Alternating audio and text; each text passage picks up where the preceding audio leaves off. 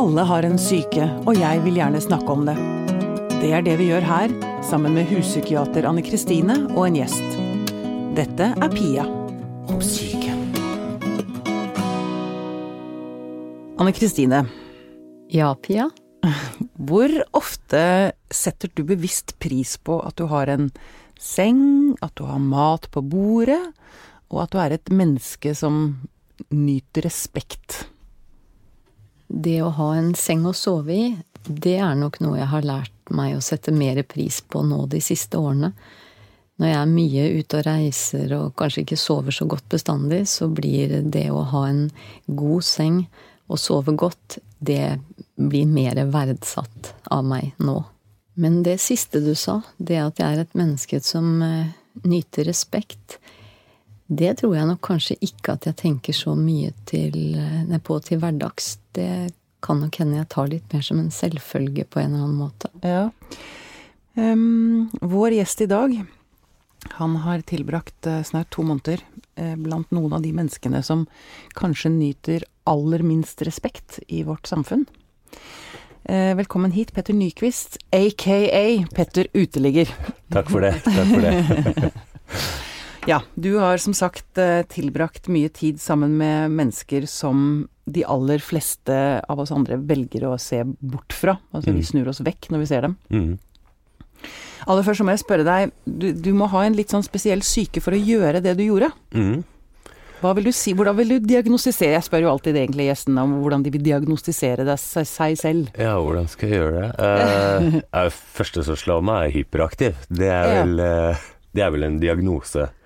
Eh, men jeg er en nysgjerrig person, uh, og en, har vært en eventyrlysten person. Det er liksom utgangen for det prosjektet. Sånn, uh, hvis jeg ser, går lenger tilbake i tid, da, hvor jeg, det er det jeg holdt på med, ekspedisjoner som eh, både av ren selvrealisering, men også som kameramann. Det har liksom vært min nisje i alle år. Eh, og jeg tror at for å kunne gjøre det prosjektet som jeg gjorde der, så må du nok ha en ganske sterk psyke og kjenne deg selv.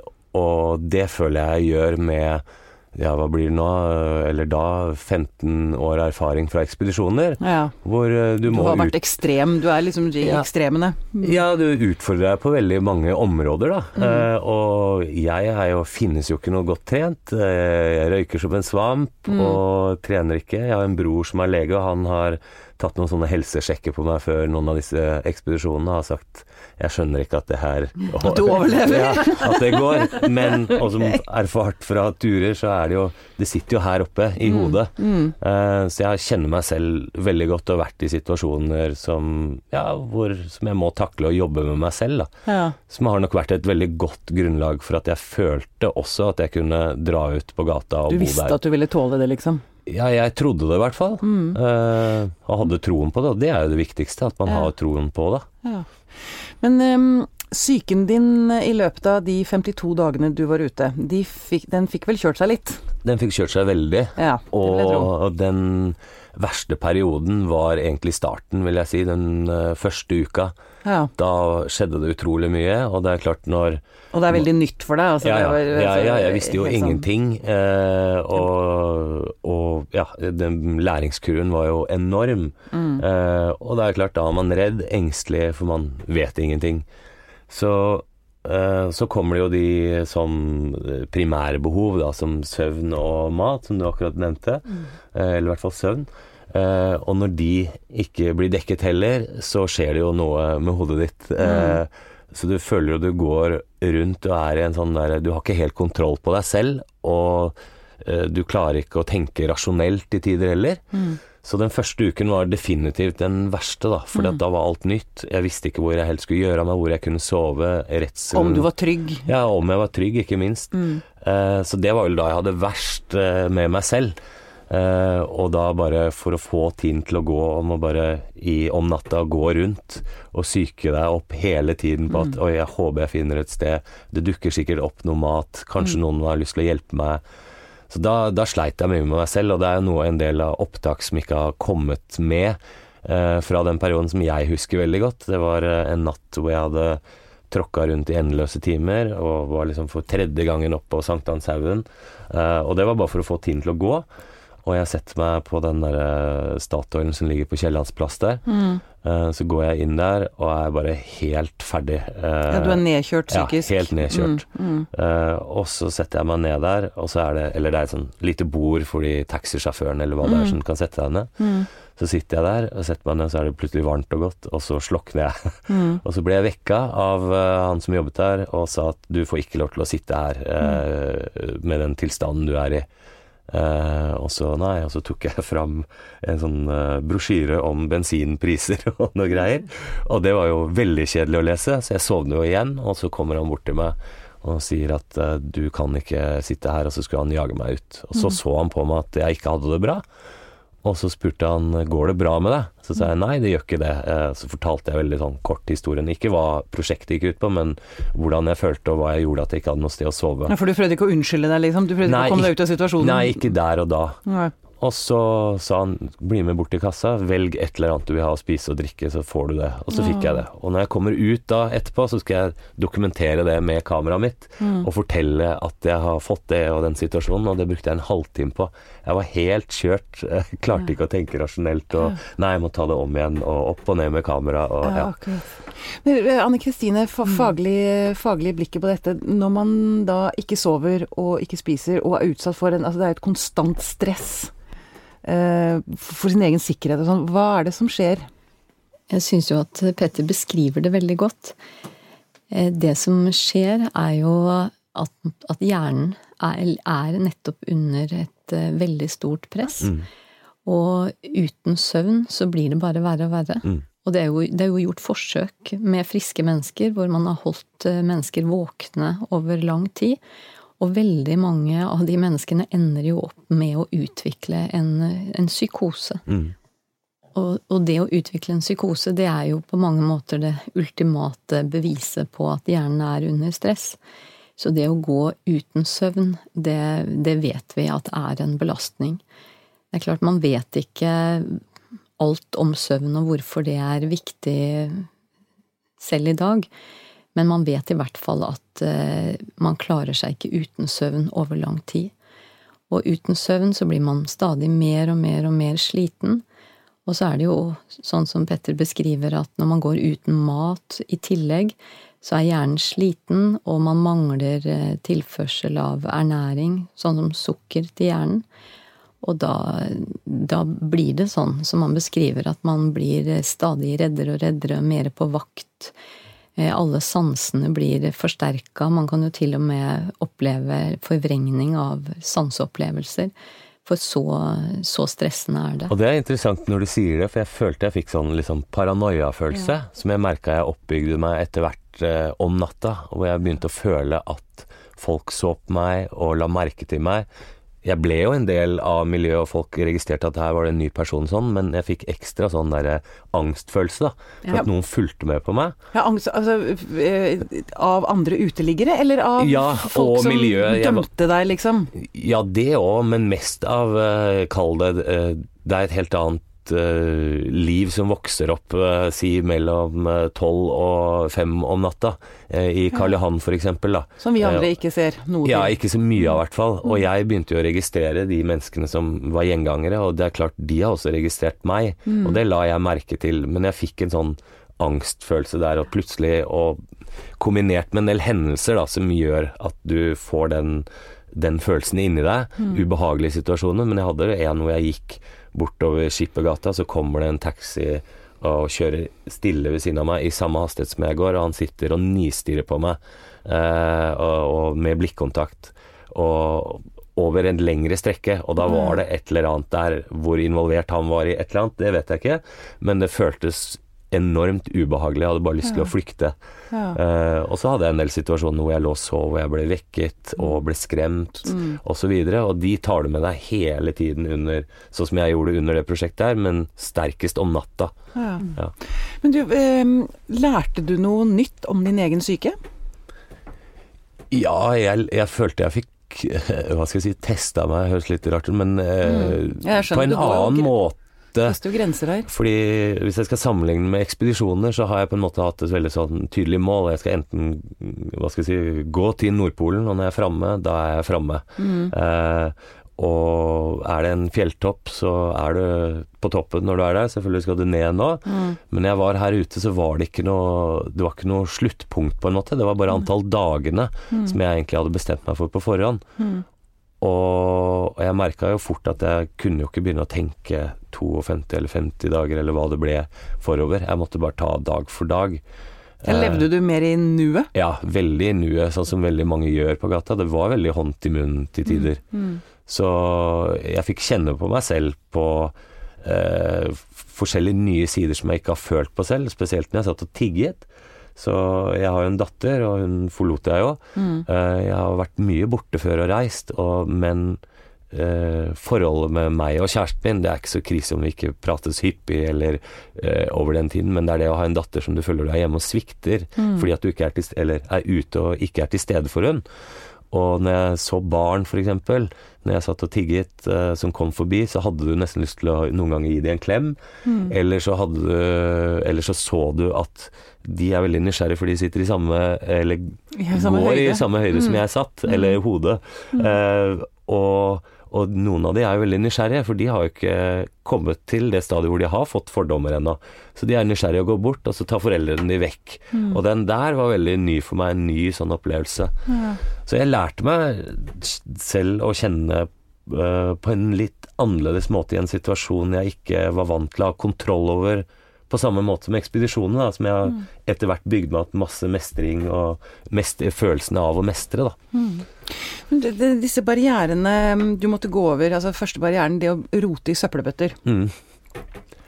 Ja, Ja. ble du vant til det? Skammen ved å tigge? Ja, jeg ble jo det. Uh, Man gir til slutt F, liksom? Ja, man gjør det, for Man det handler jo om en eh, overlevelsesinstinkt, eh, modus, som du går inn i. Mm. Men jeg husker jo veldig godt første gang når du går liksom og bruker hendene omtrent som pinsett og er livredd for å, om du skal ta på noe ekkelt og sånn. ekkelt og sånn. Mhm. Og etter hvert så var ikke det så nøye. Eh, da brydde jeg meg ikke om det, men det var den skammen, det å fø føle Jeg følte i hvert fall sånn veldig mange så på meg og la merke til meg, men det er sikkert bare noe som jeg har hatt i mitt hode.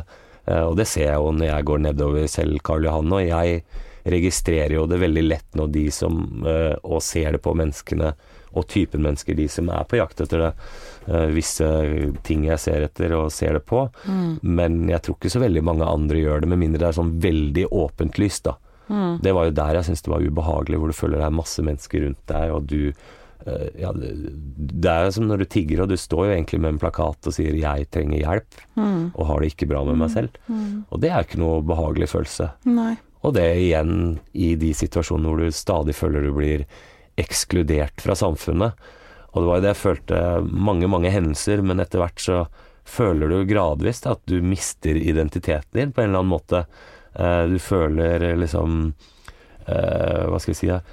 alle de behovene som nærhet og trygghet, kjærlighet Alle de blir i hvert fall om, eh, Det blir kanskje feil å si at de var ikke-eksisterende, men i hvert fall veldig redusert. Eh, og da føler du plutselig at du er ingen.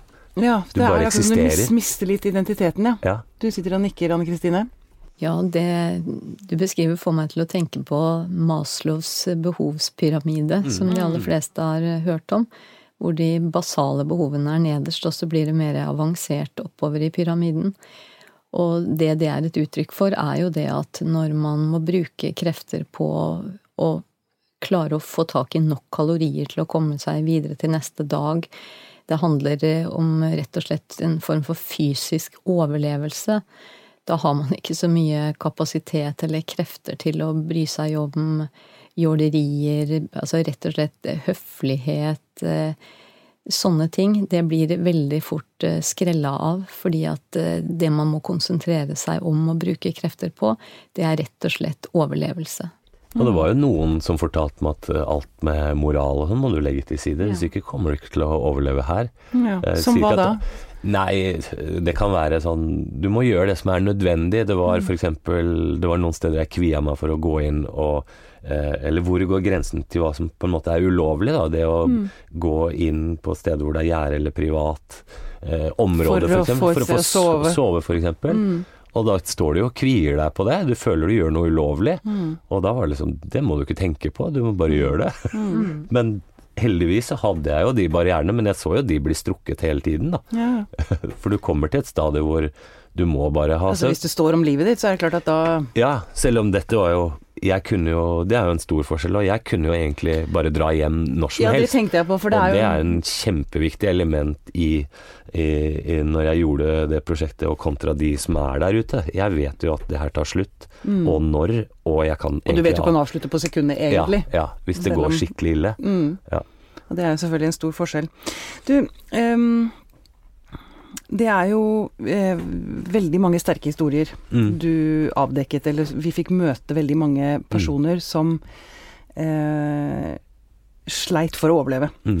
Um, og dette er jo ikke et liv man velger bevisst. Det er jo ingen som velger, det er ingen som Nei, sitter nei. som barn og drømmer om å, et liv på gata som rusmisbruker.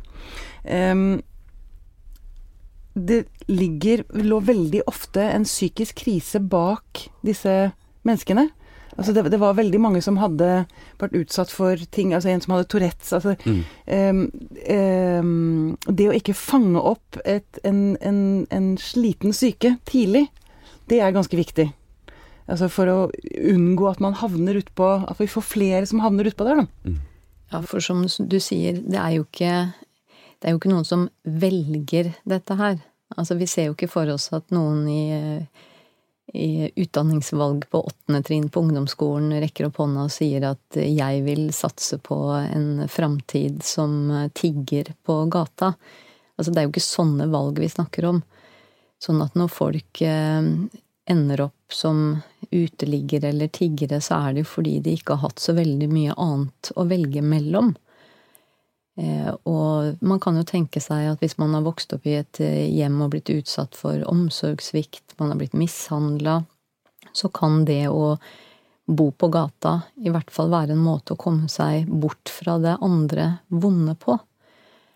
Og det er jo lett å forstå det at hvis det å tigge på gata er eh, på topp over de tingene man har å velge mellom, så er de andre tingene ganske, ganske dårlige alternativer. Mm. Men allikevel, vi ser jo i, i USA eksempel, så er det jo mange som hevder det at de som bor i undergrunnen og holder til der, at de har valgt det selv. Og selvfølgelig, man kan si at det er et fritt valg på den måten at det er ingen som står med kniv og truer folk til å bo der.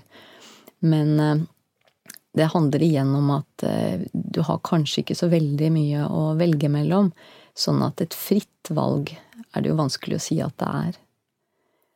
Og så er det en del eh, utfordringer eh, hvis man har eh, psykiske helseplager eller rusproblemer som gjør at man har et ganske dårlig funksjonsnivå.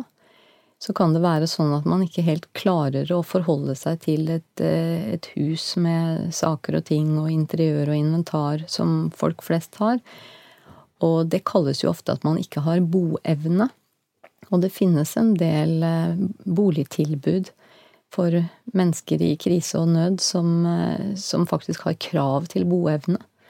Så det betyr at hvis du ikke da klarer å holde det i orden og sånn som de som eier leiligheten forventer, så kan man risikere å bli kasta ut. Fordi man ikke da opprettholder den standarden som kreves for å få bo der. Og det kan jo da skje selv med mennesker som har alvorlige psykiske helseplager eller rusrelaterte problemer. Jeg tenkte på, altså En ting var å se hvordan disse menneskene sleit i dag, men det som jeg tror kanskje rørte meg dypest, var at jeg begynte å tenke etter hva har dette lille barnet opplevd Mm. i sitt liv som har ført vedkommendes Altså hvor vondt må det ikke ha vært, det de har opplevd som små? Mm. Jeg har jo vært, uten å gå spesifikt på hvem og, og av karakterene, da, men jeg kjenner jo mange utenfor miljøet men jeg hører Det er jo de Du er nysgjerrig på hvor det starta, jeg, i noen tilfeller i hvert fall, og flere av de som jeg føler, eh, generelt da, så handler det om noen ganger eh, kan det være omsorgssvikt fra veldig tidlig alder, og jeg har snakket med en som fortalte at han vokste opp og han ikke kunne stole på sin egen mor og far. Hadde x antall tjuetalls operasjoner i munnen. hadde hele oppveksten havna på fosterhjem og blitt kasta som en sånn der ball eller en pakke Mm. som ikke hadde en, en mottaker, som han sa. Eh, aldri noen rundt deg du kan føle på, og den tryggheten, den Mm. omsorgen, den fikk han aldri.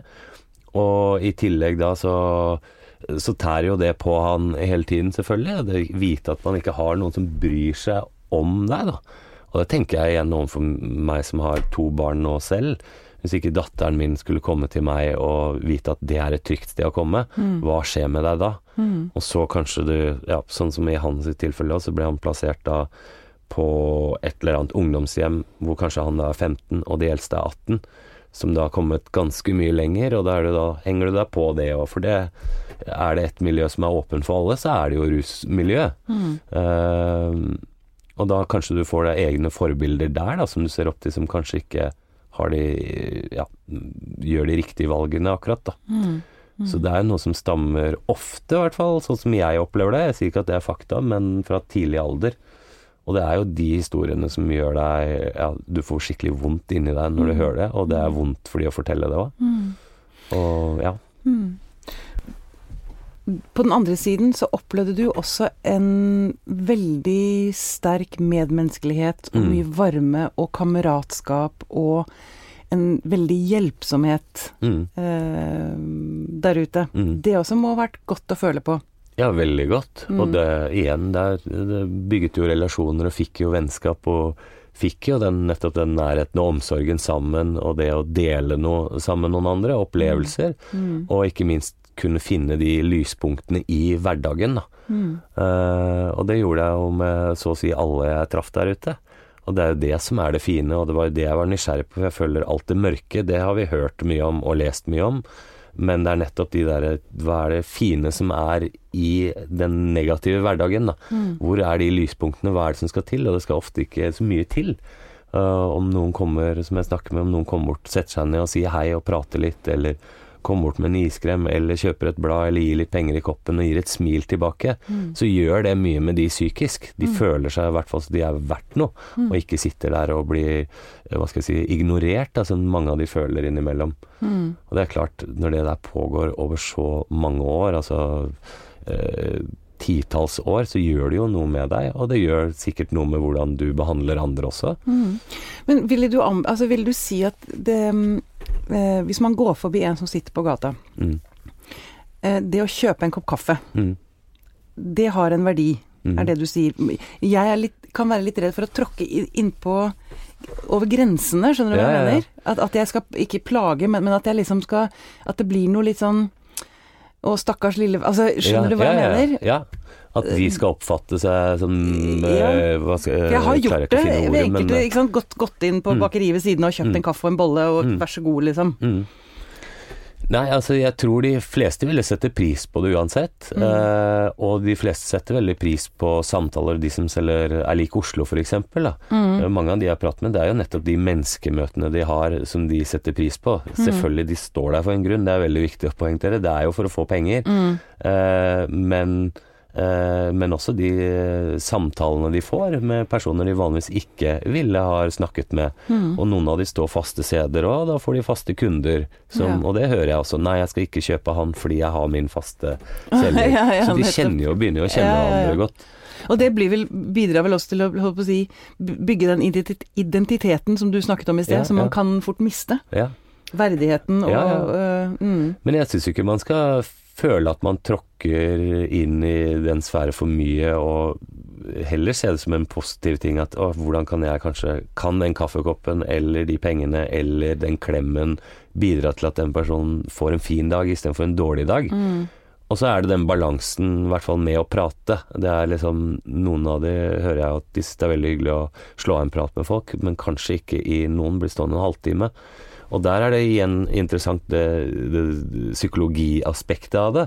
Eh, Eller sånn overfor andre som går rundt. Hvis du står og prater med en som er der, så er det ingen andre som kjøper blader Som eller gir selger, ja, ikke sant. Du ødelegger er- arbeidsdagen, Ja, rett og slett. Du, Ja, ja. men da er det ingen andre som gir det, for da er det liksom, å, da er det noen som tar vare på han ja. eh, overfor de andre da, som passerer. Ja.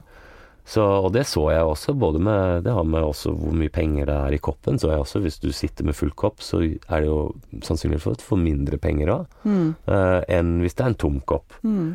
Så mm, Nei, det er, det er veldig interessant. Ja, men har, har synet ditt på mennesker, menneskeverd, endret seg etter den opplevelsen du har hatt? Ja, det har det. Og veldig. Og ikke minst på de på gata. Det alt det jeg opplevde av det positive, da. Mm. Eh, mm, skal, vi se, skal jeg bare finne ord her? Jeg må bare tenke litt. Eh, men det er hvordan de også blir behandlet, men altså må man ta tak i de de opplever mye fint også. Mm. Og det er utrolig mange sjeler der ute som bidrar, altså kall det hverdagshelter, som gir av seg selv. Og det er lett at vi fokuserer på alt det som er dårlig, at de blir ignorert. Men det er utrolig mange enkeltpersoner, organisasjoner, stiftelser som virkelig bryr seg. Mm. Eh, og det er jo, syns jeg er fantastisk å se. Og så tenker jeg at det vi kan gjøre Jeg hørte en tale her på Det var um, den uh, nasjonale overdosedagen her i forgårs eller noe. Mm. Og da var det en som sa det skal kanskje mye til for å endre de på gata til å komme til noe bedre. Hva med kanskje om at vi utenfra starter å forandre oss på hvordan vi ser på det Ja, først? det var akkurat det. for det er en mye enklere Mm. prosess kanskje for oss å gjøre noe med enn Mm. det, alt det de må endre seg på. Og det er- kan være i hvert fall starten til noe som blir noe positivt, da. Mm. For jeg lurer på om vi mennesker kan eh, Vi sammenligner oss jo hele tiden. Ja. Og det gir oss et litt sånn ja, Det er i hvert fall noen der som har gjort det dårligere enn meg. Mm. Ja. Det, skjønner, Ja, ja, ja. Du er med på Mm. den tanken? At vi holder på sånn? At, at vi liksom eh, At eh, Jeg holdt på å si Man styrker sin egen selv, selvverd ved å se på noen som har det dårligere. Ja, det er nok eh, et aspekt av det. Men eh, jeg vil nok også si at det ligger mye beskyttelse i det å ikke gi øyekontakt og, og se så mye på de som sitter på gata og tigger. Og folk flest er jo ikke slemme eller onde, men det er, eh, det er veldig slitsomt. Hvis man ser på de som tigger og får øyekontakt, så må man jo ta inn over seg den nøden og elendigheten som mange mennesker lever under. Og det er, altså det er slitsomt å måtte tenke på det og føle på det.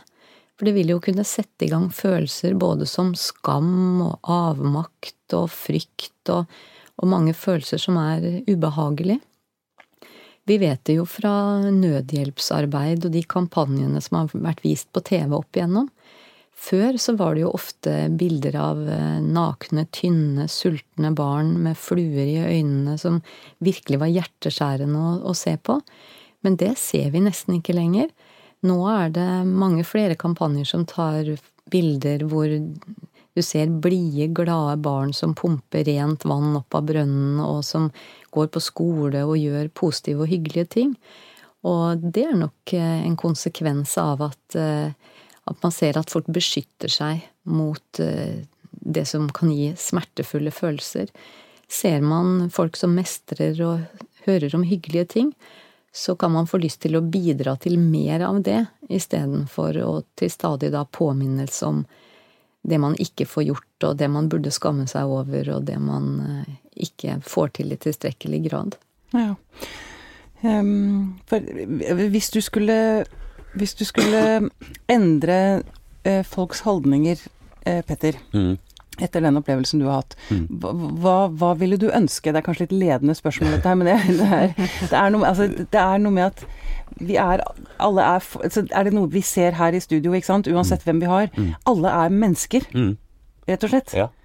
Ehm, Jeg tenker eh, det er holdninger er veldig viktig. Det at, som jeg mener, hvis vi får mer innsikt i dem sine liv og forstår det litt bedre, så kanskje vi lettere kan bryte ned de fordommene. Litt reft det vi prata om, hvordan havna det her. mm, Eh, For det er jo fryktelig mange som eh, tenker også at ja, men kan ikke bare skjerpe seg også, og få seg en jobb, da, for å sette det litt på kommunen, også. Ja, ikke mm, sant. mm. Ja, og så enkelt er det ikke. Og litt som du var inne på, altså rus og, rus og psykiatri går jo litt hånd i hånd i veldig stor grad også. Og det er en langvarig prosess å komme ut der hvis det har vært formet et, et liv til en person nå som har vart i 20-30 år, da. Og skal kunne bryte ut av det. Um, men jeg mener vi må være mer åpne, vi må tørre å, å akseptere at det er der, og prøve å se menneskene igjen som sitter der, og se de som en del av oss, som du akkurat sa, at på lik linje med alle andre. Det tror jeg er noe av det viktigste vi kan gjøre. Uh, og så må folk føle selv om de vil stoppe å gi penger eller ikke, og ikke føle at de alltid må. For det er klart, går du nedover Karl Johan på den dagen hvor det sitter mest folk der, så er det veldig mange. Uh, og man kan ikke gi til alle, men det går an å gi et smil, og det er ting som er helt gratis. Og det går an å gi de på en måte Registrere at de er der, da. Møte blikket. Ja. Og det var litt Går an å si hei? Ja, det går an å si hei og gi et smil. Det gjør jeg mange ganger nå. Det er ikke alltid jeg har tid heller i dag til å, å stoppe ved, ved de jeg ser, men jeg, gir de, jeg eh, prøver i hvert fall å gi de blikkontakt. Og det var litt interessant det du sa, den skammen folk føler som ikke vil gi. Fordi når jeg satt der og tigget, så la jeg veldig merke til hvordan Eller hvorfor gi folk penger og ikke. eh, Og prøvde å observere og legge merke til det. Og det var veldig interessant hvis jeg møtte blikkene For det, når jeg sitter og titter forover, da, eh, så klarer jeg å få med meg veldig mye som skjer ut på sidene. Jeg klarte å se at folk begynte å kanskje ta hånda ned i lommen eh, på noen meters avstand, og ser at de har tenkt til å gi. Men hvis jeg snudde meg og møtte blikket deres, så gjemte de seg, og noen da bare turte ikke å fortsette og gikk oh, forbi. akkurat. Og det er veldig rart, og etter hvert så var det mye lettere at du sitter ned og blir litt sånn ydmyk, og så Mm. når du hører det klirre i koppen, så kan du titte opp og si tusen Så takk, f.eks. altså, teknikker på Ja, og det var veldig spennende. Og så tenker jeg, hvorfor, hvorfor skal vi som utforstående som går forbi, ikke kunne tørre å møte de blikkene? Hvor, Mm. og hvorfor, hvorfor Det burde jo egentlig vise overfor alle andre som går rundt at jeg bryr meg og gjør noe. Mm. Det burde jo være en positiv ting, og ikke noe som blir vinkla negativt. og At den som virkelig vil bidra, skal føle det som som gærent, eller at et ubehag ved det. Det synes jeg det er jo helt feil. Ja. Det burde du, vært motsatt. Ble du en bedre menneskekjenner? Ja, jeg følte det. Er, Absolutt. er det sånn at du nå kan se på folk hvem som gir, og hvem som ikke gir, og hvem som møter Nei. blikk, og hvem som ikke Nei, nei, det kan jeg ikke. Og det er veldig, det er veldig spredt. Altså, du kan Mm. ikke si at den typen gir mer enn andre. Uh, men nei, det er folk fra alle aldre og alle bakgrunner Mm. uh, som gir og stopper opp og bryr seg. Og, men det er klart, det er noen sånne møter som du registrerer, og det er liksom når en gutt på 14 år tar opp lommeboka si, og du, han tar ut 200 kroner, liksom. Mm. Det gjør noe spesielt med deg, men det er en Sånn sett, så da sitter du jo der og har enormt dårlig samvittighet, da. I hvert fall i min setting, det skjedde ikke ofte, men når du har de der, da sitter du der at egentlig trenger ikke jeg de pengene. Nei. Um, så, men det sier at heldigvis har han kanskje fått noen verdier hjemmefra som han tar med seg videre, Ja. og som han viser. Mm. Samme verdier som jeg jobber mye med med min datter om dagen. Vi har vært mye ute i Oslo og deler ut penger, kronstykker, da, som hun går oppover gata Ja, og får lov til å gi eh, penger til de, Ja. og få møte de, og ikke at hun er den som blir dratt vekk, da. Mm. Mm. Men det, og du skal i gang med nytt prosjekt? Ja, jeg holder på med flere prosjekter, men det kommer Men noe et før jul. lignende? Mm. Ja, men jeg må fornye meg litt, og jeg føler at jeg fikk mye spørsmål om kan du ikke gjøre en sesong til i Trondheim eller Bergen. Mm. Men jeg føler liksom at eh, det er av flere grunner, men jeg føler at jeg har fortalt det jeg ville med den historien, og trenger ikke å fortelle den på nytt på samme måte. Mm. Og så ville det selvfølgelig nå ah, Kanskje jeg har fått et litt mer kjent ansikt, så folk ville kjent meg igjen, og det ville jo ødelagt Ja. eh, det hele også. Mm. Men jeg holder på med flere ting, annet også med, med å se det fra et pårørendeperspektiv også. Mm. Som jeg syns er veldig interessant, for det er så mange relasjoner rundt den ene rusavhengige eh, som blir berørt, og det er også enormt tabubelagt. Mm. Det er det. Mm. Ja. Bare, Dessverre. Ja. Kan du si, vil du, ut- vil du utvikle det litt, eh, Anne Kristine, eller? Ja, jeg syns det er veldig fint og viktig det som Petter tar opp her, det med pårørendeperspektivet. Pårørende er en ganske usynlig og dessverre ganske glemt gruppe. Men det er jo faktisk sånn at eh, rundt de aller, aller fleste eh, mennesker, enten de har psykiske helseplager eller eh, driver med rusmisbruk eller lever på gata, så er det mange som har familie eller eh, andre pårørende rundt seg. Eh, Det kan være nære relasjoner, eller det kan være litt fjernere relasjoner. Men de aller fleste har noen, og de blir jo berørt når en i familien har det såpass tøft at eh, han eller hun velger å leve på gata. Og det å være pårørende til noen som lever under sånne forhold, det er klart at det er en påkjenning. Det er eh, kanskje et daglig møte med avmakt, tilkortkommenhet. kortkommenhet. man vet ikke hva man skal gjøre. Det er ikke så lett å vite hva som vil være til hjelp. Det som er helt sikkert, er at det er, det er ikke noen form for quick fix. Det er ikke noe man kan løse i løpet av kort tid. Så å være pårørende til mennesker i en sånn situasjon handler jo om å holde ut, tåle, stå i en vond og vanskelig situasjon eh, hver eneste dag, kanskje over mange, mange år. Og det er slitsomt. Og det er jo ikke så mye apparat for de. Det er ikke det. Det er ting man, så vidt jeg har fått meg, liksom, må melde seg inn i sånne grupper f.eks. selv. Og det påvirker jo livene deres, som noen av de sier. En er den vanlige jobben jeg har, og så har jeg en fulltidsjobb til. Mm. Eh, med å ta vare på om det er datter, mor, far, søster, hva det enn måtte være. Mm. Og den bekymringen de lever med hele tiden, og hvordan de også gradvis aksepterer mer og mer eh, over perioder, da. Eh, fra sin egen sønn eller datter, f.eks. Mm. Til at det viktigste er at de bare treffes eller er i live. Mm. Du, til slutt så lurer jeg på, er det eh, Hva føler du mest håpløshet eller håp? Nei, jeg føler mest håp. Jeg mm. er en person som stort sett prøver å i hvert fall alltid prøve å finne positive sider i ting, og tenke positivt. Mm. Eh, ref også med den bakgrunnen jeg har, for hvis ikke føler ikke jeg at du kommer noen vei. Mm. Eh, Men du tror at det går an å gjøre situasjonen bedre for veldig mange ja. flere enn vi klarer i ja, dag? Ja. ja. det mener jeg absolutt. Det er mm. På mange, mange felt så kan vi gjøre det så veldig mye bedre, og, mm. og gjøre at de får en verdighet i det livet de har. Ja, hva er, hva er det hovedpoenget, hva, hva er det viktigste vi kan gjøre? Nei, litt som jeg sa i stad. Det handler om å anerkjenne det, se de, legge mm. merke til de, vise at vi bryr oss. At mm. de er som alle oss andre. Det er det aller viktigste, tror jeg vi kan gjøre først. Og så er det jo selvfølgelig grep som kan tas i ruspolitikken på mange områder.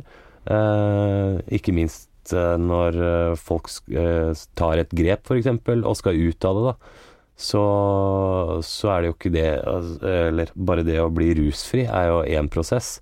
Men alt det de møter på etterpå, alt av ettervern, eh, det å komme seg ut og få seg jobb, det er ikke det eller letteste når du da kom med Hvor ble det av de ti årene der i mm. livet ditt?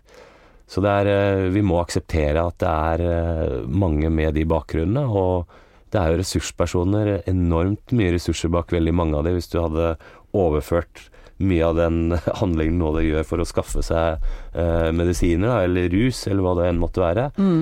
så legger det jo enormt mye inn i det. Hvis man kunne uh, flytta den ressursen over til arbeid, ja. ja hvis du kunne putte all den energien de, ja. de bruker på å overleve, ja. skaffe seg mat og, mm. og finne et sted å sove. Mm. mm. Mange uutnyttede ressurser der, rett og slett. Um, Petter Nyquist slash Petter Uteligger, hjertelig tusen takk for at du kom. Bare hyggelig. Det gikk veldig fort. det var veldig hyggelig å sitte her og prate. Vi kunne sikkert få holde på veldig ja, lenge, men eh.